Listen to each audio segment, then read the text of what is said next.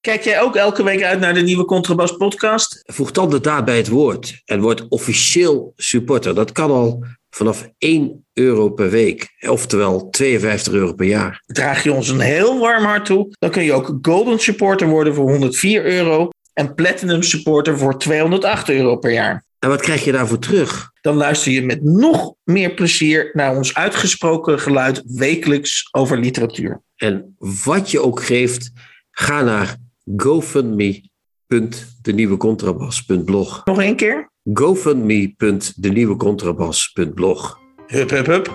Hup.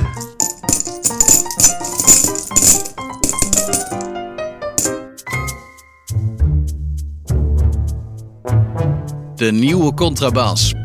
Podcast. Over hedendaagse literatuur en de wereld daaromheen. Met Chrétien Breukers, een elitaire Limburger. En Hans van Willigenburg, zomaar een Zuid-Hollander. Ja. De zomer. Ja, wat is er met de zomer? De zomer klopt op onze deur. De zon Ja. begint te schijnen. Eh, en wij gaan nog gewoon, Chrétien, wij duiken nog gewoon de kelder in en maken eh, nummer 67 van de nieuwe Contrabas podcast. Wij wel, Hans. Maar daarna gaan we met vakantie een beetje, hè? toch?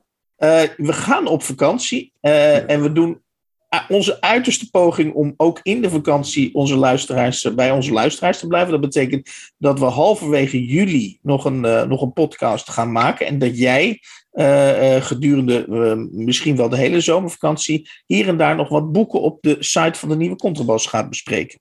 En we komen dan op 8 augustus echt helemaal full swing terug, hè? Ja, dat is het dan, idee. Dan zijn we helemaal gebronzé, zijn we dan. Helemaal eh, mooi bruin. En dan gaan we weer lekker tekeer. Ja, We gaan beginnen eh, met Ronit Palach. Jij hebt mij geleerd dat het niet Ronit Palach is, maar Ronit Palach. ja dat Eh, denk ik. zij, ja. zij heeft een knuppeltje of een knuppel, dan moeten we maar even kijken, in het hoenderhok gegooid. Want zij dacht eh, van laat ik eens negen jaar, eh, eh, mijn dienstverwant van negen jaar bij uitgeverij Prometheus, is een beetje de revue laten passeren. En dat ehm, resulteerde dus in een stuk van volgens mij vier of vijf pagina's van de Volkskrant. met een, ja, een, een, zeg maar, recensie van haar baas Mai Spijkers. En die kwam er niet lekker vanaf, kunnen we wel zeggen. Hè? Ja. Een beetje een, eh, een, een, een, een boeiende eh, eh, machtswellusteling. Zo kreeg Ja. ik een beetje het beeld. eh. Hij En- en- zegt ook tegen mensen dat ze dik zijn. En eh, die kleine flikker, zei hij over iemand die bij hem gewerkt had. En eh, lelijk wijf, ook wijf zeggen, hè? ook, ook heel verschrikkelijk. Mhm. Dus een beetje een eh, ouderwetse baas die eh, met een knuppel eh, door het huis trekt. Ja, ik denk, ik denk dat we eh, onze toegevoegde waarde zit er denk ik niet in dat we dit opnieuw gaan bespreken en gaan, gaan kijken hoe Ja. erg wel of niet Mai Spijkers is. Wij, wij kennen de man ook van op afstand, dus daar ligt onze toegevoegde waarde volgens mij niet. Eh, waar onze toegevoegde misschien wel zit, is zou jij als hoofdredacteur van zo'n krant, zou jij zeggen, ja, doe dat maar. Vier pagina's, vijf pagina's over de baas van een uitgeverij. Dat vind ik wel nieuwswaardig. Dat moet, dat moet groot in de ochtendkrant. Nou, ik zou dat wel doen. En ik zal ook vertellen waarom. Eh, ik heb het idee dat in de cultuursector wordt altijd eh gewauweld eh, aan de oppervlakte over kunst en cultuur. En we zijn zo goed bezig en weet je wel. We zijn zo lekker bezig met het verspreiden van het hoge woord. Ja, en we, we versterken het onderlinge begrip. eh, Ja, en we zijn bezig met empathie en bla bla bla. En dan kom je op het werk en dan word je voor vuil, vies, eh, vette koe of voor eh, stom eh, wijf uitgekafferd. En eh, nou, dat vind ik toch een rare tegenspraak. En wat ik ook vind, en ik heb zelf, en dat is een bekentenis, ook meegemaakt in vele betrekkingen, eh, dat managers soms eh, leidingstijlen hebben waar je echt waar je verstand bij stilstaat. En niemand durft ooit iets te zeggen. Dat is heel raar, maar dat is echt zo. Want mensen zijn doodsbenauwd dat ze eruit vliegen of dat ze geen promotie maken. Mhm. Eh, ik heb het echt zo meegemaakt dat, dat ik heb echt half sadistische bazen gehad in mijn eh, Ja. tijd. Dus jij, dus jij vindt, jij, jij kent geen enkele twijfel. Jij zegt, druk dat maar af, groot in de Volkskrant. Ja, het zou nieuws moeten zijn. Dit is trouwens in mijn ogen, maar goed, dan geef ik mij al, al mijn schot voor de boeg. Dit is, is dus ook- totaal, dit is dus totaal geen nieuws. Want we, Nee, het is ook geen iedereen nieuws, maar- iedereen die My Spijkers een beetje... eh, ik, ik ken hem al verder niet, ik heb hem af en toe voorbij zien lopen. Maar iedereen wist, die waarschuwde mij al van tevoren... dat als je überhaupt met die man in gesprek gaat... dat je op je moet zijn. Uh, dus dat is Ja. niet nieuws. Nee, het, nieuw- het gaat ook niet om het nieuws. En het werd ook gebracht niet als nieuws. Eh, er was wel een, er was wel een eh, reportage bij van Gijs Beukering en eh Plup Lindemans. Gijs Beukers, ja, ja, ja. Beukers, niet Breukers, maar Beukers. Mijn, de arme tak van de familie. En, eh, en die vrouw eh, Lindemans, hoe heet ze met de voornaam? Dan ben ik altijd- Emma, Emma- Emma, toch? Emily, Emily, nou, Emma Eh, Lindemans, volgens mij. Of ja, die twee, ja. En dat, dat, daar zat het onderzoeksaspect in. En in eh, eh, het stuk van Ronit zat meer eh, de, de, het was een persoonlijke essayistiek, hè? Dat was het. Maar die, die Ronit had meer een essay geschreven, waarin ze ook, en dat vond ik wel goed, haar eigen rol in dat hele spel, want ze heeft daar negen jaar gewerkt in, in, Mhm. immers. Ze vraagt zich van zichzelf ook af, en je ziet ook aan haar stuk, ze is heel, op een gegeven moment ook al gefascineerd door die baas. Hè? Ze gaat met hem mee als hij een bril gaat kopen. Keurige bril overigens, moet ik zeggen. Prachtige bril. Smaak heeft ze wel. Eh, ze gaat mee. Dus eh, met andere woorden, hij weet daar ook in een soort ongezonde situatie te, te, te, te, te luizen. Of hoe zeg je dat? Ja, maar Eh, het- het gaat- dit gaat toch heel veel of, of het interessant is of, of, het, of we het Ja, ik moeten, vind het moeten willen weten. Maar mijn vraag is, moet het in een ochtendkrant? Maar goed, dat, ja, natuurlijk moet dat in. Waar moet dat anders in? Nou, dat kan Andere bladen zijn er- een- had de een Post ik, ik zou zeggen, dat kan zo in de Linda. eh, Ja, of de Vrij Nederland of zo, misschien? ja, precies. Oké, even los van waar het had moeten staan, vind ik wel dat wat erin staat belangrijk is. In, wat ik, in licht van wat ik net zei, dat die hele literaire wereld, daar zitten nog wel meer van die uh, rouwdouwers eh, in. Die er al jaren kunnen rouwdouwen omdat iedereen doodsbenauwd is om zijn boekje niet kwijt te kunnen. Mhm. Maar, maar, het, maar het klopt dus niet natuurlijk. Oké, maar goed, de, eh, eh, ja, ik kijk daar dus anders Jij wil iets anders horen van mij. wat Nee, maakt niet uit. Nee, nee, nee, helemaal niet. Maar, maar het, eh, het gaat er mij om dat, dat ik denk, eh, waar eindigt dit? Eh, als, als, we, als we allemaal, en ik, dat, dat denk ik dus, omdat Ronit Palach in die grachtengordel zit en op, op steenworp afstand van de redactie van de Volkskrant waarschijnlijk bellen ze al jaren met elkaar en et cetera, et cetera. Is dit opeens nieuwswaardig? Terwijl ik denk, ja, dat, dat, dat is overal, de, wat jij terecht zegt, er zitten overal dat soort bazen. Gaan we, gaan we nu ook de baas van het, keuken, het keukenbedrijf uh, Pietje Poot, in et cetera, Nou, dat, gebeurt, dat gebeurt tegenwoordig ook, want het is Ajax, hoor je het over. Je hoort nu een. eh, dus vanochtend was er in de krant, we nemen dit op op eh, maandag. Eh, stond er een of andere regisseur in de krant die, die was opgepakt omdat hij. eh had grensoverschrijdend gedrag gedaan. Hè, seksueel grensoverschrijdend gedaan. gedrag. Heeft, Ja, hoe heb, noem je heb, dat, heb jij eh? het al gedaan? Ja, ik ben ook eh Nou grensoverschrijdend ja, bezig. hij, was, hij was beschuldigd van grensoverschrijdend seksueel gedrag, sorry. Ja. Eh, nou, dat heeft Mike Spijkers, Mike Spijkers dus niet. Die heeft alleen onveilige werksituatie. Maar zij vraagt zich in dat stuk ook af: van, is dat niet ook een vorm van onveiligheid waar je tegen moet zijn? Ja, ik zit er op een andere koers dan jij, ben ik bang. Eh, wat mij betreft mogen al die bedrijven, daar mag wel de bezem door. ja. Je houdt je wel va- vakkundig op de vlakte verder.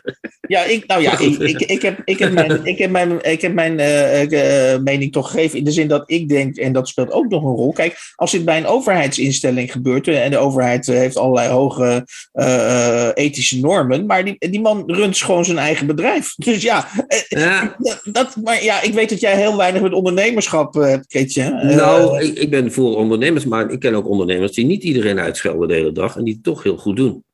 Ik noem, ik noem een Hans van Wilgenburg. Nee, dat is, dat is flauw. Maar, maar, maar je hoeft ook niet meteen de hele dag op iemand te schelden en te voeteren. Ik had een, ooit een schoonvader, was een hele goede ondernemer. Dat was juist Ja. de zachtheid zelf. Maar die was Ja. wel een keiharde verkoper. Maar als je, als je alle gevallen waarin je iets eh, ook op een andere manier kan doen, eh, nieuwswaardig in vier pagina's in de Volkskrant eh, besteedt, dan ben ik bang dat je, heel, dat je de Volkskrant binnen de kortste keren 200 pagina's stelt. Maar goed, Nou, dat zou toch fantastisch zijn. Dan kocht ik het weer in het weekend. dan hebben we nog een ander akkefietje. Dat is ook een eh, continuing story. We hadden vorige eh, uitzending hadden we natuurlijk eh, dat akkefietje met Jamal Ouariashi die Eva Vlaar in haar nek ging. wat was? Oh nee, Maria Vlaar. uit. Maria Vlaar in haar alsa. En er kwam een reactie, dat weet jij ook, van een andere schrijver, een Mark Reugenbrink. Oh mijn god, Mark Reugen, En leeft hij ook nog? die, zei, die zei dat, want, want die, ehm, eh, die, zijn analyse was als volgt. Eh, op het hoofdveld, en, en de standaard is in, in de België waarschijnlijk een van de hoofdvelden. Hè, daar, zou geen daar, daar zou een soort doodsheid heersen. Met andere woorden, wees maar blij dat Jamal Ouariashi eh, de mensen daar nog een beetje scherp eh, houdt. Maar zei hij toen, in de alleen in de hoekjes op het internet is er, zijn er nog relevante discussies over de literatuur? En toen dacht ik, stelde ik mij de, de, de gewetensvraag: zou die ons bedoelen? Zijn wij een hoekje op het internet? Nee, want Mark Reugenbrink haat mij. Hij had vroeger de contrabas. En uh, die kan juist, als iemand in de wereld niet tegen kritiek kan, is het Mark Reugenbrink. En uh, dat die überhaupt zich hier nu ineens op het internet beroept, is alleen maar te wijten aan het feit dat hij ooit bij de standaard werkte en daar nu niet meer werkt. Dus uh, nee, Mark Reugenbrink, dat is echt. Dat is wel een goede oplossing voor de Boterberg. Want die heeft, die heeft al zes van die pakjes op zijn hoofd liggen. Dus die kan er elke week nog eentje bij stapelen. Okay. Nee, nee, Mark Reugenbrink moeten we niet serieus nemen, Hans. Dat is niet, die, die luistert niet naar ons. Nee. Ik ben, al, ik ben al wekenlang op zoek, Retje. Uh, uh, niet dat ik de kranten spel, want dat is, eh, dat is iets wat je misschien 10 of 20 jaar geleden deed, of alweer 30 jaar geleden. Toen spelde je misschien nog de literaire bijdrage, dat, bijlagen, sorry, dat doe ik niet. maar ik ben al wekenlang op zoek naar een, een recensent in die, in die melee van kranten, waarvan ik denk, nou, dat is toch een redelijke recensent. die, die stijgt wel uit boven het niveau wat je op internet doorgaat tegenkomt. En ik had al heel lang, wekenlang, had ik Gerwin van der Werf genomineerd. Uh, dat ik dacht, nou ja, die komt af en toe wel met een echt aardig onderbouwd oordeel over een bepaald boek. En als, je, als ik zeg aardig onderbouwd, dan is dat dus al heel wat. Want wat je vaak op internet tegenkomt, ja, dat, dat, is, dat is een... Ik vind het een heel mooi boek, want mijn moeder is ook dood. ja, een beetje dat, dat, dat niveau zit je meestal wel. ja. Uh, maar ja, kwam oh, shit, maar toen kwam hij dus laatst weer, ook, ja, daar ben ik dus uh, eventjes, is me dat, zo kwam hij met een recensie van een boek, of, volgens mij was het Jeroen Teunissen, waar ik het vorige week over had. Uh, en dat was dan weer zo lafjes, dat ik dacht, nee, die Gerwin van der Werf is eigenlijk ook, als puntje bij paaltje komt, valt hij ook door de mand. als iemand die, als, het, als, als, als hij via, via, ja, ik weet het niet, hij inspireert me toch niet. Hij is, hij is toch ja, niet Daar heb ik, ik heb daar ook over nagedacht. Niet omdat je, dat is echt puur toevallig los van elkaar, hebben we erover nagedacht. Ja. Uh, ik heb nagedacht over de functie van critici zoals Gerben van der Werf en vroeger ook Arie Storm in het Parool, die helaas weg is. Mm -hmm. Maar ook Diewertje Mettes in het Parool. Uh, wat, wat ik merk is dat die recensenten die uh, schrijven over literatuur die mainstream is over het algemeen. Dus die schrijven, uh, Arie niet vroeger, die deed wat die zelf wilde. Maar ze krijgen van de redactie een uh, titel op en daar beginnen ze over te schrijven. Vaak zijn het allemaal dezelfde titels. Dus als D-Transitiebaby een hit is, dan moet iedereen over D-Transitiebaby schrijven. Wat die recensenten nooit meer doen, is schrijven over uh, het middenveld. De schrijvers die het wat moeilijker hebben om aan de bak te komen. Schrijvers Hans, zoals jij en ik. Die komen nooit in de krant. Oh, oh ja. Nou, ik, dat is geen geklaagd. Dit is, dit is nadrukkelijk. Maar wat ik wil zeggen. Ah, ja daarmee verliest die hele literaire kritiek ook een beetje zijn uh, spannendheid, omdat hij niet meer spreekt over literatuur die er op dit moment gemaakt wordt, maar alleen over literatuur die van bovenaf wordt opgelegd. Die, die ja, critici zijn, en dan moet je me even af laten maken, deze. Mm -hmm. Die critici zijn, uh, uh, dat zijn zetbazen geworden van de boekenindustrie. Dat, hebben niks met, dat heeft niks meer te maken met literaire kritiek. Dat is alleen nog maar productinformatie. Dus eh, nu kunnen ze zeggen, Breukers is. nou, nu kunnen ze daarna gaan zeggen, Breukers is zuur. Maar dat is niet zo volgens mij. Dit is wat het is. En daarom functioneert die hele literaire kritiek niet meer. Ik ben het grosso modo met je eens. Ik denk dat het wel het grote, wat jij vertelt, het grote beeld is. Maar ik zie wel, en daar valt Gerwin van der Werf dan ook weer onder. Uh, dus dat is dan weer een positief puntje van. Ik zag hem laatst een nieuw boek van uitgeverij AFDH. En dat is echt een hele kleine uitgeverij. Uh, zag ik hem recenseren heel positief. Een, een, een kleine roman of novelle. dus met andere, woorden, met andere woorden, sporadisch. Sporadisch heeft zo'n. En Gerwin van der Werf is denk ik zo iemand die zich de status heeft verworven, verworven om af en toe tegen die boekenredactie te zeggen van uh, en dit vind ik een bijzonder boek en daar wil ik over schrijven. Dus alle lof uh, in dit geval voor Gerwin van der Werf. Maar grosso modo heb je natuurlijk gelijk dat, uh, dat, die, dat die kritiek de grote boeken volgt inderdaad. Ja, ik zou heel graag, ik ben ook voor, ik, ben, ik ben, ben Gerwin ook zeer toegenegen. Maar ik zou ze wel een potje peper naast hun recensies willen zetten. Jongens, kijk eens een beetje uit voor het paasrapport. Tips van de week boeken, artikelen of pamfletten die boven het maaiveld uitsteken. Daar gaan we dan. Daar gaan we. En uh, voor de laatste keer voor de zomerstop uh, uh, gaan we drie boeken laten passeren. Of we gaan ze juist niet laten passeren. We gaan, we gaan erop inzoomen. en het ja, eerste en één waar... ga jij helemaal door de plek. Ja, ja en het eerste boek waar we doorheen. nee, de, waar we op in gaan zoomen, sorry. dat is Onder asfalt van de reeds gelauwerde dichter Maarten van der Graaf, geboren in 1987. Hij heeft, uh, vind ik, dat is, dat is dan mijn uh, aftrap van, deze, van, van dit item. hij heeft een aantal dichtbundels geschreven die ik met interesse gelezen heb. dus hij stond er bij mij niet slecht op. Maar dat kan ik wel alvast verklappen. Na Onder Asfalt denk ik van Maarten, Maarten, Maarten. Get your act together. Ja, het is een roman, Hans. Laten we daar maar mee beginnen. Dat was me eigenlijk ook goed deels ontgaan dat het een roman was. Maar het stond, het stond, op de voorkant, dus ja. Dan is, dan is het zo, hè? Ja. ja, want anders dan zou er niet staan roman. Dan zou er staan uh, verhalenbundel of dichtbundel. Maar en het is een roman die zich uh, deels afspeelt in het verleden, namelijk in 1999. En deels in, het, in de toekomst, 2068. Het zal je misschien niet verbazen, Hans. Het is een dystopie. Want zoals je weet zijn alle romans tegenwoordig dystopieën. En in een dystopie gebeurt er altijd iets verschrikkelijks. En hier is het volgende gebeurd. In 1999 is er een moment gekomen dat later de grote verandering is gaan heten. Alle, alle snelwegen verdwenen ineens. Mhm. Dat heb je toch wel zo meegekregen van het boek? Ja, dat heb ik meegekregen. En in 2068 wonen er allemaal mensen in uh, de binnenste randstad. Daar mogen mensen wonen. Uh, en alles wat buiten de binnenste randstad woont is uh, de Sjaar. Uh, dat heeft, mag daar wel af toe komen, maar maar twee uur zijn. En dat heeft ook een eigen leven, maar beduidend minder dan in de binnenste randstad. Er is een soort hoogkapitalistische binnenste randstad en een soort buitengebied. Mensen hebben in die tijd, in 2068, implantaten. Ze hebben helemaal geen telefoons meer, die hebben velden, zoals dat heet. En die velden, daarop kun je dingen zoeken. Je kunt zelf dingen noteren. Het is een soort tablet in je hoofd, zou ik maar zeggen. En oude mensen, die uh, die velden ook hebben, die kunnen soms last krijgen van instortende velden. En de moeder van een hoofdpersoon, Ina, Ira, sorry, Ira, een van de hoofdpersonen, heeft een moeder die heeft instortende velden. En wat er dan gebeurt is dat je bij, de, bij het bejaardentehuis komt. Dat, dat heet dan niet het bejaardentehuis, maar de, een soort rusthuis. En daar zijn mensen en die gaan dan met jou naar je ouder of naar je familielid. En dan mag je een tijdje in hun instortende velden rondkijken. Als het ware, zoals je vroeger kreeg je een fotoalbumpje van je ouders. Maar nu krijg je nog een blik op de instortende velden eh, te zien. En zij ziet daar dus al die beelden van die snelwegen die er vroeger waren. En dat uh, begint in haar hoofd uh, een beetje te broeien en te doen. Oké, ja. En daar komen weer allerlei verhalen over die snelwegen. Ja, ik merk ook. Nee, maar van de graaf maakt geen, want ik heb nog één bochtje moet ik maken. Ja. Uh, uh, allerlei verhalen die zij ziet bij die moeder, die staan ook in dit boek. Dat zijn verhalen van allerlei mensen die net voor of net na de grote veranderingen in dat boek rond waren.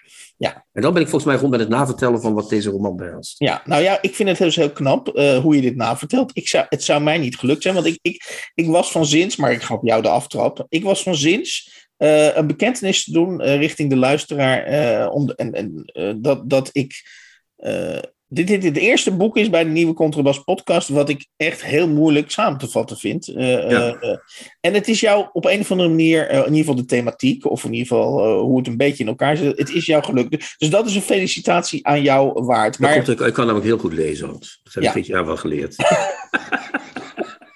Even een zelffelicitatie. Ja. ja. Uh, maar voor de rest ben ik, de, ben ik op talloze manieren gesneefd. Uh, zelf meen ik gesneefd te zijn in het boek. Ik zie hier en daar op een gegeven moment. Het zijn ook al verschillende tekstvormen. Dat is misschien wel passend bij, bij het, het staketsel wat jij net geschetst hebt. Je hebt namelijk verschillende, op verschillende plekken in het boek heb je hoofdstukken die voorafgegaan worden door de systeemkaarten van Renata, Renate van der Burgt. En één keer van Ira, hè, van die vrouw zelf. Ja. De laatste keer, ja. En, uh, en, dat, en dat wordt in een andere typologie opgevoerd. En ja, uh, ja daar, daar staan dus opeens teksten in. Waarin ik denk, hé, hey, daar krijg ik trek in. Uh, dat vind ik leuk. dan krijg ik plezier in het lezen. Maar in de rest van het boek doet Maarten van der Graaf... en ik kan me ook niet losmaken, dat is misschien een zwakte van mij als recensent... maar ik kan me niet losmaken van Goeree Overflakke. Dat is, daar staat de, dat is de geboortegrond van Maarten van der Graaf. En volgens mij, als je uit Goeree Overflakke komt... dan, dan ben je niet alleen stijf gereformeerd... maar dan heb je dus ook al heel veel moeite om volgens mij... of heb je een hekel aan kleurrijke personages. En als Maarten van der Graaf één ding heel goed doet... is het zijn personages niet kleurrijk te maken. Ja, het is een houterig boek, hè? Kijk, dit soort boeken die heel ingewikkeld in elkaar zitten. Want uiteindelijk zou je het hele boek kunnen zien als een, een verhaal uit het ingestorte veld van de moeder van Ira. Als je het uh, heel erg uh, tot, tot één kern wil terugbrengen. Mhm. maar, maar dit soort ingewikkelde verhalen moeten heel goed in elkaar zitten. En ook nog eens een keer goed geschreven zijn om je er doorheen te leiden. En het hele boek is echt van een diepe, intense houterigheid, helaas. Waardoor het je dus vrij moeilijk wordt gemaakt om er doorheen te komen. Volgens Ja, mij heb je daar last van. Of dat is wat jij dat goede overflakke noemt. Het heeft iets protestants. Hè? Het is een beetje een houterige Ja. preek, is het wel. Ja, terwijl, terwijl eh, en, en dat is misschien wel, misschien ook juist heel erg een zwakte van die Maarten van de Graaf. Als hij vertelt over zijn boek of over de ideeën die achter zijn boek zitten, dan, dan vind ik dat eigenlijk heel boeiend. Hij, hij zegt eh, in feite eh, dat eh, de, de snelwegen de inwisselbare hoofdaders zijn van Nederland. en En dat, van het kapitalisme ook. Hè? ja, van het kapitalisme. Want het dat, zijn linkse jongens, vergeet dat niet, hè? Ja, ja. En dat in feite eh, de, af, dat, dat, dat de grootste zijnsvraag in Nederland niet is van wie ben ik, maar welke afslag eh, neem ik op de, op, Ja, maar dat is interessant, toch? Dat ja, is maar, toch dat, vind, nee, maar dat, dat, het hele punt is dat, dat, het idee, dat het niet ligt aan de ideeënrijkdom van Maarten van der Graaf, maar precies aan wat jij zegt, namelijk, ja, stop dat dan in een vervolgens in een, in een, in een ja, voor mij ook te begrijpen en leesbaar boek. Ja, maar ik denk dat het begrijpelijk wordt als hij beter had opgeschreven. Ik zal beginnen met een klein voorbeeld uit het begin. Zal ik daar Ja. even mee beginnen? Ja, ja, ja. Dan gaat het over een feestje waar twee mensen zijn, voorafgaand aan de verandering. En dan staat er, dan gaan ze, gaat, ze gaat een van de hoofdpersonen gaat filosoferen over drugs. En dan begint meteen dat houterige. Misschien zou ze ook verslaafd kunnen raken aan drugs. Net als die filmster voor Everdam. Cocaïne heeft ze bijvoorbeeld nooit gebruikt, maar ze zou er best aan kunnen komen. Ze werkt niet voor niks bij een bank. Dan denk ik al meteen, wat zijn we hier, wat is het? Dat denkt iemand die bij een bank werkt toch niet? Die heeft dat op zak of niet? Toch, vind je niet? Dat is al meteen Ja. zo houterig, zo, zo van, van stout. Ik noem het woord cocaïne. Ja. Ik werk op een bank. Het zou een interessante vraag, vraag zijn of je aan de hand van dit citaat denkt dat Maarten van der Graaf zelf ooit cocaïne gebruikt heeft. Nee, als je die foto van hem ziet, nee, nee, nee, nee. Zo'n mooi lief babygezichtje hou je niet als je voortdurend eh, met je neus erover in een witte eh, feestpoeder zit. En hier, ze leerden die jonge man vier maanden geleden kennen op een feest in Amsterdam, een stad waar ze niet van kwam. Het was een feest van Giel, een kennis van Jasper, een man in dure jassen, maar nog geen dertig. Ik Denk, wat zijn dat voor werelden? Wat is dit voor... eh Ja. Het is toch helemaal niet spectaculair? Ja, nou, laat een van de manco's van dit boek, of misschien wel het grote manco, is dat je, je leest eh, eh, door de proza heen, lees je de ambitie van dit, van dit verhaal. En, en, en wat ik. En Wat die heel interessant is, die ambitie. Die is heel en de ambitie is namelijk om echt een, een great, net zoals we vorige week een Great American novel hadden.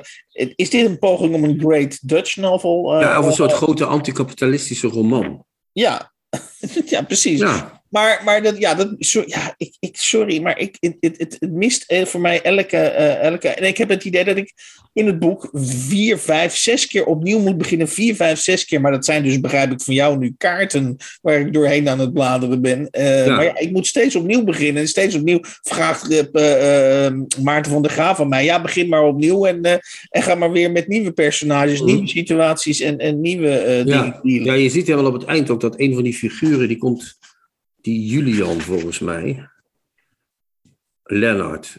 Lennart wordt, komt terug. Eh, eh, eh. Finn en Johan. Ja, hij- ze, ze weet op een of andere, hij weet op een of andere manier al die figuren wel aan elkaar te knopen. Maar het is, het is, ja, het is eigenlijk, we moeten er eigenlijk niet te lang over praten. Het is gewoon niet zo heel goed, eerlijk gezegd. Ja. Ja, en, Laten, en, we maar en- gewoon, laten we dit maar gewoon beschouwen als een kleine misstap op zijn, in zijn ongetwijfeld verder zeer interessante werk. Want ik was eh, ook wel enthousiast over die gedichten, dat klopt wel, ja. Maar ik vond die vorige roman ook al niet zo goed, eerlijk gezegd. Maar, maar waarom is ieder- iedereen is er wel heel enthousiast over? Nou hè? ja, dat is het dus. Dat, dat, dat- daar mogen we dan wat mij betreft mee afsluiten. Is dat Thomas de Veen volgens mij een vier of vijf sterren recensie. eh, eh, Hij in, kwam in, een- woorden tekort, onze in, Thomas. in een hè? even houten. da- Daarin heeft hij dus eh, eh, zijn leermeester in Maart van de, van de Graaf gevoerd. In een even houterige stijl als, eh, als het boek zelf. Heeft hij in de NRC zich helemaal lyrisch, helemaal tot eh, uitgelaten over, over, dit, eh, over dit boek. En Ja, dan gaat het altijd over dat het zo'n belangrijk thema voor deze tijd is. Bla bla bla bla bla. Ja, nou, ja, het is, eh, het is, eh, we kunnen dat weer aansluiten op die eh, discussie die we net over kritiek hadden. Als dit het niveau is van de kritiek, en dit, dan, dan is de literatuur er behoorlijk beroerd aan toe op dit moment. Goed, dan gaan we nu naar. ehm, Jouw favoriet? we, gaan naar we gaan naar non-fictie. We gaan naar Ja. Eigen Welzijn Eerst van Roxane van Iperen. Roxane van Iperen kennen we natuurlijk allemaal niet alleen van zomergasten en van haar onverbiddelijke bestseller en niet van Het Hoge Nest. wat volgens mij zelfs tot bij de New York Times met, met, met, met, met, met, met, met slingers en lof is overladen. Dus Roxane van Ypres is lekker bezig, zou je kunnen zeggen. Maar heeft uit haar heup, dat kun ik gerust heeft uit haar heup nu een, wat mij betreft, echt volkomen zot pamflet afgescheiden. Ja, ik heb, ik heb het gelezen. Het was het eerste boek van Roxane van Ypres dat ik las. Dus ik ben nieuw. Ik ben nu voor het eerst in van Ypres gegaan. En ik, het is een bladzijde of 80, geloof ik. Dus we hebben de, de EPUB, dus ik weet niet precies hoeveel bladzijden. Maar ik, heb, ik begreep wat ik ervan begrijp van het boek, hè, want voor, voor zover ik dit allemaal begrijp, ja. uh, gaat het erover dat de middenklasse vroeger solidair was met vreemdelingen bijvoorbeeld, of met mensen die sociaal wilden mobiliseren, uh, dus die naar boven wilden klimmen, de ladder op. En dat ze nu de laatste jaren steeds uh, minder solidair worden. En dat ze ook nog eens een keer zichzelf boven de rest van de wereld stellen. En dat weet ze ook nog te combineren, gek genoeg, met een sneer naar, dat, eh, naar die wel, wellnessrechtse mensen, zoals weet je wel, Rijksa Blommenstein en dat soort ja. Uh, ja. Nou, rechtse teven. Laat, laat ik het zo zeggen, dit, dit boekje, en dan neem ik het vrij bruut even van je over, dit boekje staat zo ontiegelijk bol van de elementaire denkfouten, dat je echt, echt, je weet gewoon op een gegeven moment niet meer waar je het zoeken moet. Let even op. Uh, dan heb je dus de titel eigen welzijn eerst. Dat is dan natuurlijk een variant op eigen volk eerst. Hè? Dus met andere woorden, die middenklasse... Het zijn bijna fascisten al, die middenklasse. Ja, precies. Dus, dus, dus er, er, er, vanaf de titel bestaat al geen enkel misverstand meer over wie hier in het beklaagdebankje zit. Dat is dus die middenklasse. Maar dan komt ze dus met een ondertitel en die is al zo enorm waanzinnig inconsequent hoe de middenklasse haar liberale waarden verloor. Dat veronderstelt dus dat de middenklasse uh, uh, ooit heel erg liberale waarden heeft gehad. Dat, dat, kun je Daar weten we niks van. Nee, de, nee, de daar weet ik al niks van. De middenklasse uh, stemde vroeger CDA en uh, PvdA, volgens mij. Een paar, met een paar uh, ja. VVD-brallers erbij, maar voor de rest niet. ik, zou zeggen, ik zou zeggen, ik zou het tegenovergestelde zeggen, maar, maar ik, ik verschil dan ook op bijna elk punt van Roxane van Ypres. De middenklasse heeft heel veel last gehad van liberale waarden de afgelopen 20, 30 jaar. Die, die, dat, dat, die, die zijn het slachtoffer geworden van de vermarkting van de publiek, publieke sector dus ja, die hebben alle reden om tegen liberale waarden te zijn. Dus ja, van een ziekenfonds tot de trein, tot de elektriciteitsmaatschappij. Ja, en het onderwijs niet te vergeten. onderwijs. Alles is duurder en slechter geworden. En dan moet je ook nog uh, die kop houden van uh, Roxanne. Ja, heel gek. Ja.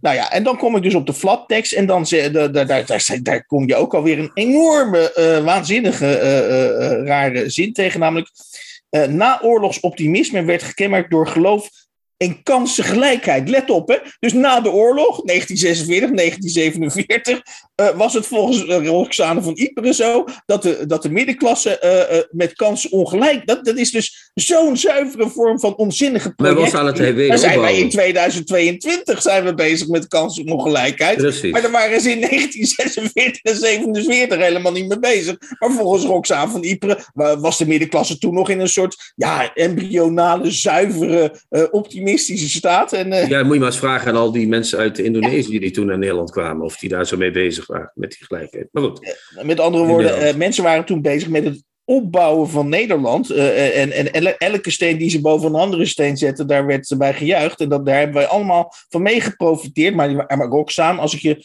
Roxaan, Roxaan, ben je er nog? Uh, ze waren toen echt niet bezig met kansen. Nee, maar dat is één denkfout. Dus dat is één. Ja. Daarmee zet ze dus die middenklasse meteen in het uh, ja, maar, maar hoe komt ze nou, want dat heb ik echt gemist in dat boek, dat begrijp ik niet helemaal. Hoe komt ze nou van die middenklasse op dat wel eens rechts gebeuren? Is mij ook en, duidelijk. En dan neemt ze meteen ook alleen maar de vrouwen uh, te pakken. Zijn dat dan de nieuwe, is dat een nieuwe middenklasse of zo? Of, uh?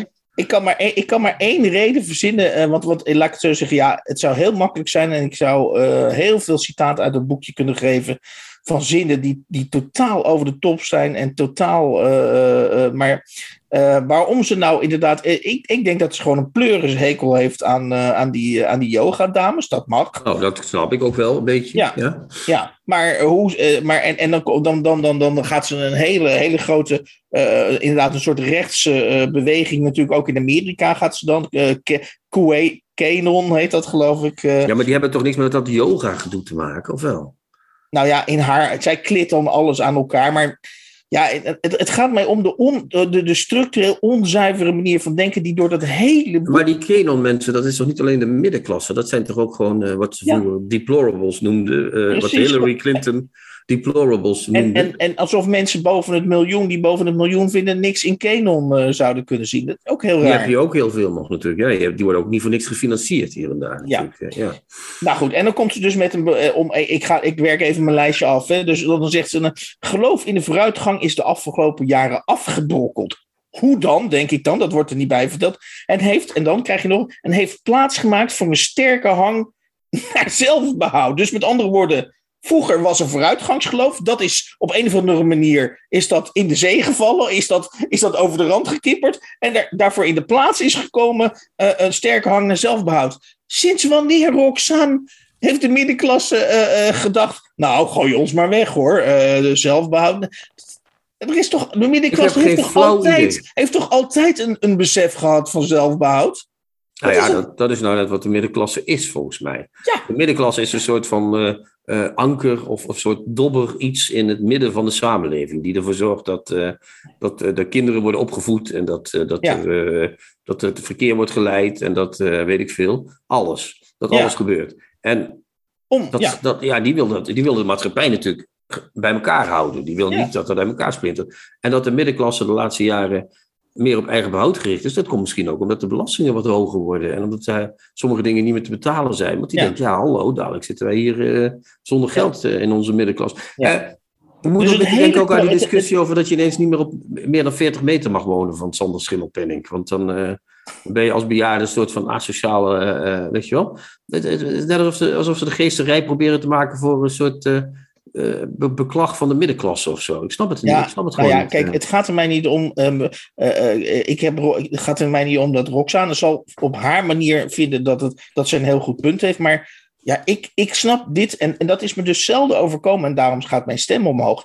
Ik snap dat hele project van dat boek gewoon totaal Nee, niet. we hebben eerder pamfletten gelezen en dan begreep ik Ja. precies wat er stond. Bij uh, Engelen, bij uh, Ken Loach en bij uh, Eduard Louis dacht ik, nou, linkse standpunten. Kan je het mee eens zijn of niet, maar het, het punt is duidelijk. Maar hier begrijp ik niet waar het over gaat, inderdaad. Ik begrijp het gewoon niet. Nee, en het erg, en, het, en dat maakt, maakt me dan, ik denk, ja, uh, omdat ze een bestsellerschrijver is, wordt ze dan in elk programma, mag ze dus haar gal over, over dat kleine groepje vrouw, yoga-vrouwen gaan spuwen, omdat waarschijnlijk heel, heel Hilversum een pleurenzekel heeft en denkt, nou, Roxane van Ypres komt namens ons dat groepje dan helemaal zwart maken. Maar het gaat echt nergens over. Even een paar broddelcitaten nog uit dit boekje. Spoel de tijd vooruit naar 2022 en we lijken in een wereld van extremen te leven.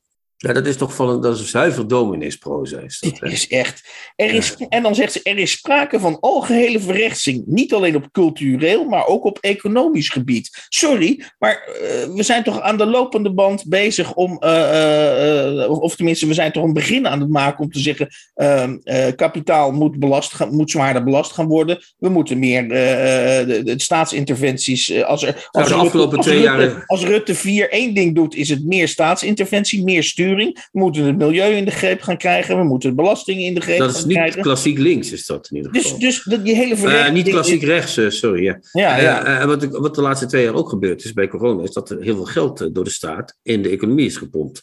Dus dat is niet klassiek rechts ook. Dan is het meer zo van, crepeer maar lekker. Als je ja, dat, kortom, dit, dit, dit, dit, dit is... Nou ja, goed, nee, laat, laat ik dat inslikken. Nou, ik vond het echt een heel, heel slecht boek. En eh, jij wou zeggen, dit is gelul.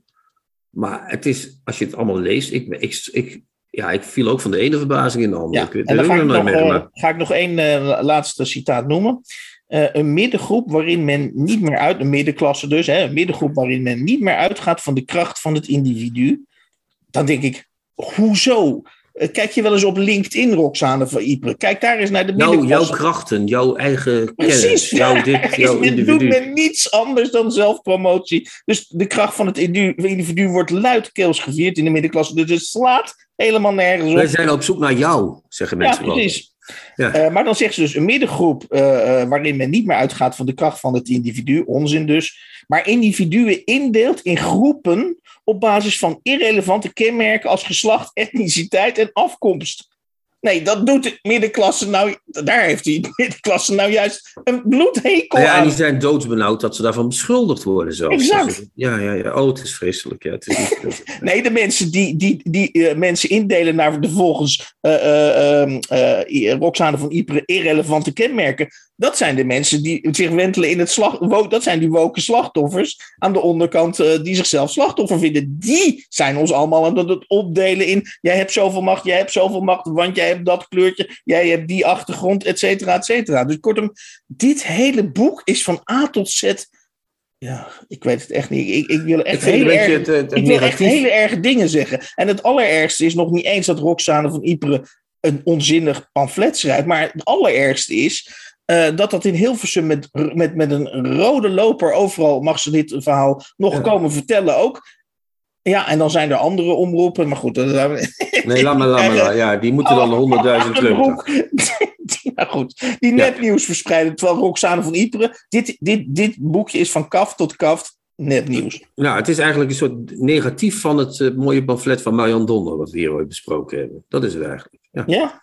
Ja vind ik wel. Dus eh, dit is het slechte variant. En Marian Donner was de heel goede variant. eh. Ja, Marion Donner vond ik een fantastisch Ja. eh. Ja, ja. Maar on a lighter note, Hans, heb ik een ander boek. Dat ja, heb ik dat. speciaal Ja. Ontspan me, ontspan me. Leg me even in de kussens, leg me even in de Ik watten. leg even de kussens. Ik heb een boek dat heet Beminde Vriend. Dat is niet aan jou gericht, maar aan Luc Gruet. Brieven aan Luc Gruet tussen 1977 en 2002, geschreven door Eric Verpalen. Ken je die nog?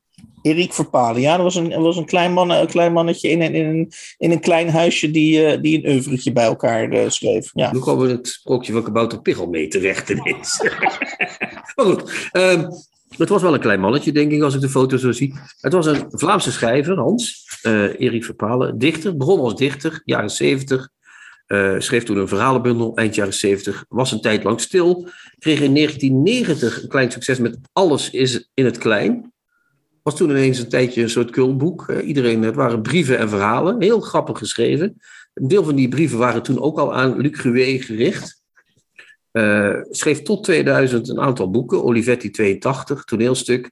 Katse Nachten, dat was zijn laatste echte boek. Ook een soort roman. Ook weer een Je gaat nu zijn van... wikipagina gewoon eh door. Ja, maar ik wil hem even plaatsen, want ik denk dat de meeste luisteraars van ons hem toch niet kennen. Dus in, na 2000 hield zijn, eh, zijn publicatiedrift een beetje op. Eh, hij heeft het nog tot 2015 volgehouden en is toen door de werkster 's ochtends gevonden. Dus eh, toen was hij eh, neergezakt en doodgegaan. Hij was een En beetje niet, vergeten. onder verdachte omstandigheden. Hm. Niet dat ik weet. Dat het is nu ook niet meer uit te zoeken na zeven jaar. Maar goed, hij was een beetje weg en vergeten. Maar nu heeft privédomein heeft gedacht... we laten eens wat van die brieven van aan Gruet eh, bij elkaar zetten. Ja. En nu En komt er levert, echt, dat wat, levert dat wat op? Dat levert wat op. Het is een zeer... eh, het is een good read, zouden ze in eh, Engeland zeggen. Eh, maar je merkt wel dat de literatuur enorm veranderd is in die jaren. Tussen 1977 dat hij hier begint te schrijven. Toen was literatuur, Hans, nog een geruststellende gelegenheid van mannen. Sowieso, mannen onder elkaar. Met Ja. hier en daar eens een vrouw. En waar Maar maak je dat uit op? Hoor? Ja, Nou ja, de namen die vallen zijn allemaal mannen. Hè. Het is allemaal mannen onder elkaar. Jeroen Brouwers, Benno Barnard, Erik Verpalen, Luc Gruet. Weet je wel, allemaal mannen, mannen, mannen. En Mirjam van Hey als enige vrouw. Eh, maar daar gaat het niet om. Het gaat om dat de literatuur ook echt veranderd is in die zin dat ze zich toen... eh dit zijn nog echt leidende schrijvers, een beetje zoals Reven, zeg maar. Deze schrijversgeneratie hing nog een beetje tegen de, schrijver, tegen de schrijversgeneratie van de grote drie aan. Hè? Er, werd geleden, er werd geleden, er werd gestileerd, er werd gedronken en eh, er werd vriendschap beleden. En die vriendschap die verwaterde ook weer, want nou, in het geval van Verpalen verwaterde die niet, maar verjeneverde die. Maar jij schetst een soort bohemien achter bestaan. Is dat, is, oh, maar dat is dus lijden. Of, of, of dat is, Nou, een- dat- of hij dat is gevei- geveinsd lijden, denk ik. Nou, dan. deels hè? geveinsd leiden, want hij werkte gewoon eh, als eh, administratief medewerker op een fabriek. eh, en deed daarna aan de schrijverij. Dus het was een soort geveinsd leiden. Maar ik bedoel te zeggen, dat soort schrijverschappen, dat hing nog allemaal sterk tegen Reven aan en tegen dat soort schrijvers. Mhm. En het is heel mooi gestileerd en je moet erg lachen, want hij is een man die groot talent heeft om van de ene lekkende huis in het andere te verhuizen. Uh, om van de ene mislukte relatie in de andere uh, terecht te komen. Ik ben heel erg toe aan een citaat. Want ik, ja, dat ga ik wel even doen. Uh, want dan heeft... ik, ik vind dat je het heel mooi beschrijft, maar ik krijg heel erg honger naar hoe klinkt dat dan? Nou, dan ga ik, ik ga een lang citaat voorlezen als dat mag. Ja, jij bent, jij bent, jij bent een hele mooie voorlezer. Ik luister graag altijd. Ja. Er, er wordt verschillend over gedacht, kan ik je verzekeren. Maar goed. Um, wat ik wil zeggen is, hij heeft op een gegeven moment ook. Uh, op een gegeven moment krijgt hij ook steeds jongere vriendinnen. Hè? Op een gegeven moment krijgt hij meisjes van 18, 19, die hem niet begrijpen natuurlijk. Want hij is zelf al in de 30. Dus hij, maar hij voelt zich sowieso door niemand begrepen, dus dat maakt eigenlijk niet zo heel veel uit. Maar dan vraagt een meisje, Boes, die noemt hij Boes in, in, in zijn boeken, die komt ook in Alles in het Klein voor. Die vraagt hem dan naar zijn vorige huwelijk. En dan wil hij er eigenlijk niet over praten. Maar dan zegt hij, of het mij nog iets doet, dat vroeg die Boes dus. Ik zou Boes nu moeten wakker maken en haar sommeren zich aan te kleden om haar mee te voeren naar het huis aan de rivier. Hier, zou ik zeggen, dit is het huis. En met, nog, en met een nog bij het leger geleerde welgemikte trap zou ik de deur inbeuken. En dit is de keuken, zou ik zeggen, en hier is de woonkamer. Bij deze woorden zou ik de televisie stuk slaan. Een koele koe en de klok onder mijn voet verbrijzelen. Hij zegt echt koele koe en de klok. Uh -huh. In deze kamer zat ik altijd te schrijven. We zouden ons dan al in de voorkamer bevinden, die met het uitzicht op de rivier en de bomen. Aan deze en aan deze muur, zou ik heirend zeggen, terwijl ik de schilderijen Zigeunerin op vaas geleund en Landwacht bij zonsondergang uit de lijsten scheurde, hingen een ets van Snoep en een portret van Kafka. En ik zou ze meesleuren naar boven de trap op. In, af, in de grootste kamer zouden we, wit van schrik, de huidige bewoners aantreffen. Die schoot ik meteen dood. In de kleinste slaapkamer zou ik daar de balk tonen waaronder, ruim zes of zeven jaar geleden, zwaluwen een nest hadden gebouwd. Alles zou ik haar tonen en alles zou ik haar vertellen. Maar eerst moest alles vernietigd worden. Alle meubels in puin geslagen, het behang afgerukt, spiegels en ramen aan scherven getrapt, kachels uit de schouw gerukt. En misschien, terwijl onder onze voeten het glas zou kraken, de wind door het huis zou gieren en de lijken van de huidige bewoners en een grote uitdrijving al begonnen zouden zijn, misschien dat ik haar, boes boes, onder roekeloos drinken aan een meegebrachte flesje never, dan zou kunnen vertellen over de lange winteravonden tijdens de welke ik als een hond voor de kachel lacht en van de prairie droomde. Kijk. Dat is nog eens oh, een antwoord op de... Dit boek, uh, ja, nee, oké. Okay, ja, ik ik, maar het ik, is wel erg reven, hè, als je dit leest, uh, toch? Dat heeft ook iets Reviaans, natuurlijk. Ja, ja. Als hij, als hij met die brommer naar dat langs dat huis ja. reist, dan fantaseert ja. dat hij, ja. Maar anyway, uh, het is dus een mooi boek. eh, prachtige brieven. Ik kan niet anders zeggen. Ik heb me Mhm. mm -hmm. echt geamuseerd. Wat is de titel van het boek? Hebben we dat eigenlijk al genoemd? Ja, ik zei Beminde Vriend. Brieven aan oh, Beminde Vriend, sorry. Ja, ja, ja. ja. En het is, het is echt een, een, een, een, Maar het is dus echt... Ik denk dat het echt een boek is voor... En dat is, ik weet niet of dat echt een aanbeveling is, maar. Ja, het is echt. Je bent, je bent nu even zo'n boekendok, zo'n adviesbureau. Dit boek, ja, is, voor, de- dit voor boek de- is voor de doelgroep eh, eh, Voor de- rechtsdraaien, mensen met rechtsdraaien. voor, de, voor de rijpere lezer. Je moet echt heel erg van literatuur houden. Op dit, ik hou heel erg van literatuur. Dus ik vind dit fantastisch. Ik lees ook allemaal namen. Paul Snoek hadden we hier net al. Hè? Snoek. Ja, eh Parnat, Joti de Hoofd. Je leest allemaal dingen. Ach ja, dat had je vroeger in Vlaanderen allemaal. Ja. Dus, maar als je dat allemaal niet meer weet. En dat is natuurlijk al een aardige. Er zijn aardig wat generaties lezers al opgegroeid. Die denken, waar heeft die man het over?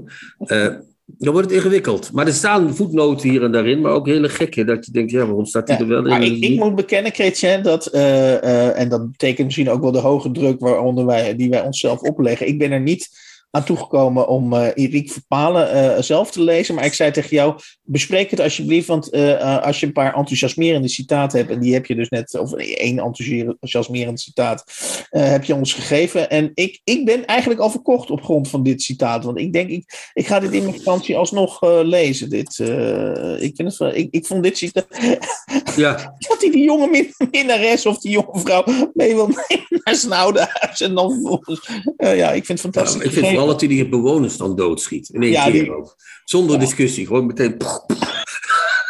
Ja, sorry. Dat is natuurlijk heel lelijk dat ik daarom moet lachen. Maar ik kan echt. Ja, nee, dat, is, dat is dat toch- is- dat- mijn dag al goed, man. zeg maar. Maar is dat in 2022 nog humor? Dat is natuurlijk de grote vraag. Ja, want dat is, dat is, ik wil er nog eentje doen. En dat, ik Ja. vind het zelf heel grappig. En er komt net zijn officiële eerste boek uit. Echt zijn eerste grote boek. Alles in het klein dus. Ja. Eh, en dan zegt hij van... in die voorbije tien jaar, hij reflecteerde dus over die tien jaar dat hij daarvoor dat hij weer een boekje had geschreven. Ja. Dat is dat verhalenbundeltje, uh, iets met uit, Man uit Odessa. In die voorbije tien jaar is veel gebeurd. Te veel eigenlijk om goed te zijn. En aan de andere kant te weinig om maar krakboem echt aan dood te gaan. Met wat ik in die tien voorbije jaren meegemaakt heb, kan ik gemakkelijk een vijftigdelige encyclopedie volschrijven. En daarbij zouden de lemmata liefde, drank, literatuur en dood elk voor zichzelf al drie à vier delen opeisen. Literatuur, literatuur en dood elk voor zichzelf al vier, ja, drie à vier. Nu is ook Nathalie Sperling al dood, godverdomme. Ja, er zijn er die er nog korter over gedaan hebben, maar tussen 80 en 90 heb ik de Universiteit van het Leven wel doorlopen, vind ik. Huwelijk kapot, oeuvre verramst, armoed, drankzucht, seks met minderjarigen, dakloos geweest, koninginnenhapjes, gezondheid ondermijnd, zweetvoeten gekregen door verkeerde medicatie. En zeer veel verdriet mijnerzijds, meneer, door mezelf koppig opgezocht of mij door anderen gratis en voor niks aangedaan. Nou ja, zo'n figuur dus. Hè? Ja, het, is, het is natuurlijk wel pathetisch. En je denkt, nou, nou, nou, nou, nou moet er... Tegenwoordig zou je, het, zou je er niet meer mee wegkomen, denk ik. Maar ik vind het toch geestig. Ja, ik vind het zeker geestig. Ja. ja.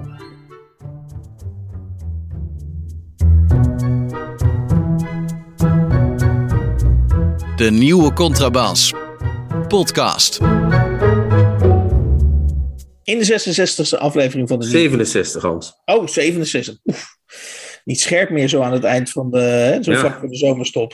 Bijna met pensioen al, hè? Ja. We bespraken in deze aflevering uh, achtereenvolgens Onder Asfalt, uh, de nieuwe roman van Maarten van der Graaf, verschenen bij uitgeverij Pluim in 2022.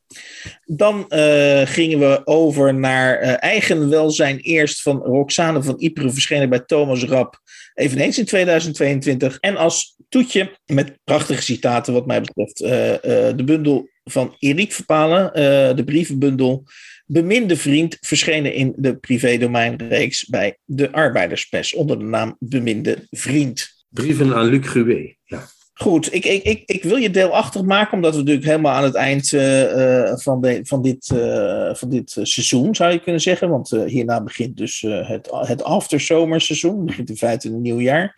Ik, ben voor, ik, ik wil jou deelachtig maken, Chrétien, van een film die ik vorige week heb gezien. het, is, het was een experimentele film en toch ga ik het proberen in twee minuten aan je uit te leggen. Ik was op uitnodiging in Kino, een, een bioscoop in Rotterdam, uh, waar een film werd vertoond die in 1981 gemaakt is. Waarvan de regisseur tien jaar geleden is overleden. En waarvan de man die de film inleidde. uiteindelijk de eindmontage heeft gedaan. Een hele ingewikkelde constructie. En die film, uh, in die film zijn twee schrijvers aan het woord. En de film pretendeert uh, een goed zicht te geven op het creatieve maakproces van het schrijven. Eh, van deze twee kunstenaars. En dat zijn Jan Eikelboom, inmiddels overleden, uh, een bekende dichter in de jaren tachtig.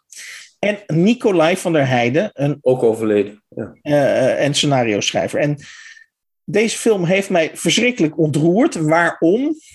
dit zijn twee schrijvers die bij elkaar op de thee gaan.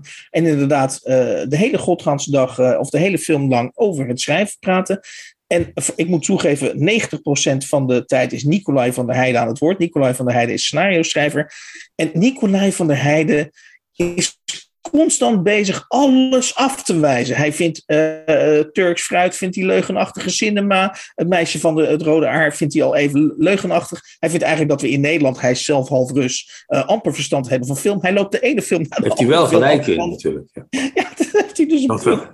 En uh, uh, zelfs een, een project met de NCRV, destijds natuurlijk uh, een, een, zeer bekende en gerespecteerde omroep. Zelfs een tv-film sneeft halverwege, want dan raakt het budget kwijt. Dus Nicolai van der Heijden zit helemaal stuk. Nee, hij zit niet helemaal stuk, dat is de grap juist. Hij vindt dat hij nog steeds in zijn artistieke recht staat. En, en hij, hij wacht tot hij een goede film kan maken. En dan komt de tragiek naar boven, want dan krijgt hij opeens het project een ongevraagd project in zijn, uh, in zijn maag gesplitst. En dat is uh, uh, naar het boek van Toon Kortooms, Help, de dokter verzuipt. Ja, en met Jules Closet, hè? Ja, met Jules en Martine Bijl. Zit hij, dus, zit hij dus te zeggen wie zijn favoriete acteurs zijn. Wat, wat, wat hij allemaal bereid is om zijn beste acteurs naar Nederland te halen. Hij zegt, ik ben bereid, ik moet mijn huis bij wijze van spreken te verkopen om die en die acteur uh, naar Nederland te krijgen. Maar dan krijgt hij dus op een gegeven moment een belangrijke film te regisseren. En dan krijgt hij dus een lijstje met acteurs waar hij helemaal niks mee wil, mee wil doen. En daar krijgt hij nog succes mee ook. Ja, en dan wilde dus allerlei personages die in het scenario zitten, die wil die, en met, met één personage in het bijzonder, die wil die dood hebben. Maar die wordt door een co-scenarist steeds weer tot leven gewekt. Met, met als consequent dat hij die acteur ook moet accepteren. En dan is uiteindelijk die film afgelopen. En dan moet je dus constateren. Ja, en ik vond het super ontroerend dat die man zijn hele leven in dienst heeft gesteld van scenario schrijven, van film. En dat hij met een absoluut horrorproject, waar hij waar die werkelijk bij wijze van spreken elke dag van heeft overgegeven aan het einde van de draaidag. Daar heeft hij nog geld mee verdiend. Dat hij, daar bekend, dat hij daar bekend mee is geworden. Dat is echt fantastisch. Ik vind het een fantastische gedachte voor de vakantie, Hans. Jij niet? Ja, ik vind het. Dat betekent gewoon, laat maar lekker gaan, mensen. Maak je maar niet te druk. Go with the flow, lieve mensen. Ja, Goed, dan, gaan we nu, dan gaat nu de gong en dan gaan we nu de officiële afscheidsceremonie uh, inzetten. Ja, ja, die begint met een vraag aan de luisteraars. Uh, uh, onze beminde luisteraars, zoals je die geloof ik altijd noemt. Onze beminde... Ja, nou, ik hou van ze, dat is het. ja, het is het liefde luisteraars. Verder, ja, Als je namelijk een idee hebt, als jij vervindt luisteraar bent van de nieuwe Contrabas podcast, dan gaat er vanuit Chrétien en mij een vraag naar jouw kant toe, namelijk missen wij iets? Ongetwijfeld missen wij iets. Je mist altijd uh, iets. Maar uh, heb jij misschien een suggestie van iets waar wij eenmalig of vaker in moeten duiken? Als je die suggestie hebt, mail ons dan naar podcast.denieuwecontrabas.blog. Ik herhaal podcast.denieuwecontrabas.blog. In het geval je zegt, ik vind dat jullie het hartstikke goed doen, maar ik ben eigenlijk wel benieuwd wat jullie daar en ja, daar... Volksdansen bijvoorbeeld. Wat vinden Hans en Christian van volksdans? Daar gaan we het niet over hebben, maar dat maakt niet uit. Maar ja, sorry. Ja, ja, ja. Ik mag nee, niet oké. zeggen. Het moet wel met literatuur te maken hebben natuurlijk. Oh, oké. Prima. Goed Ja, dat je dat even zegt. Ja. Goed dat je het me even verbetert hier. Ja, ja, ja. Maar goed, en nu gaan we dus, dan komen we 18 juli nog een keer terug. Hè? 18 juli. Eén keer in de zomer. Ja. En dan 8 augustus zijn we er weer voor goed. En tussentijds ga ik lekker recensies schrijven voor de lieve luisteraars. Die kunnen dan lezen in de vakantie. En ik wil ook graag dat de luisteraars in de zomer oppassen. Insmeren, jongens, als jullie in de zon zijn. Hè? Want een, een huidkankertje is zo opgelopen. En dat is geen sinecure. Uh, en uh, niet te veel drinken, maar ook weer niet te weinig. En ik wil jullie uh, op 18 juli en op 8 augustus in goede gezondheid weer terugzien. Daar sluit ik me volledig bij aan.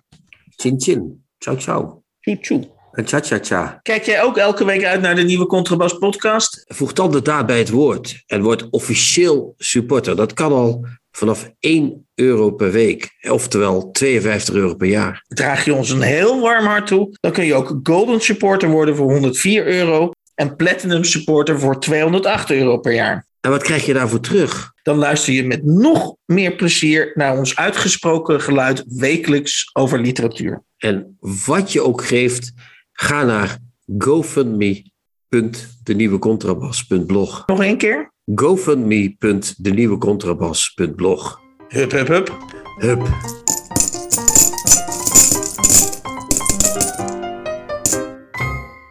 De nieuwe Contrabas podcast wordt gemaakt door Chrétien Breukers, Hans van Willigenburg en Erik Lindenburg.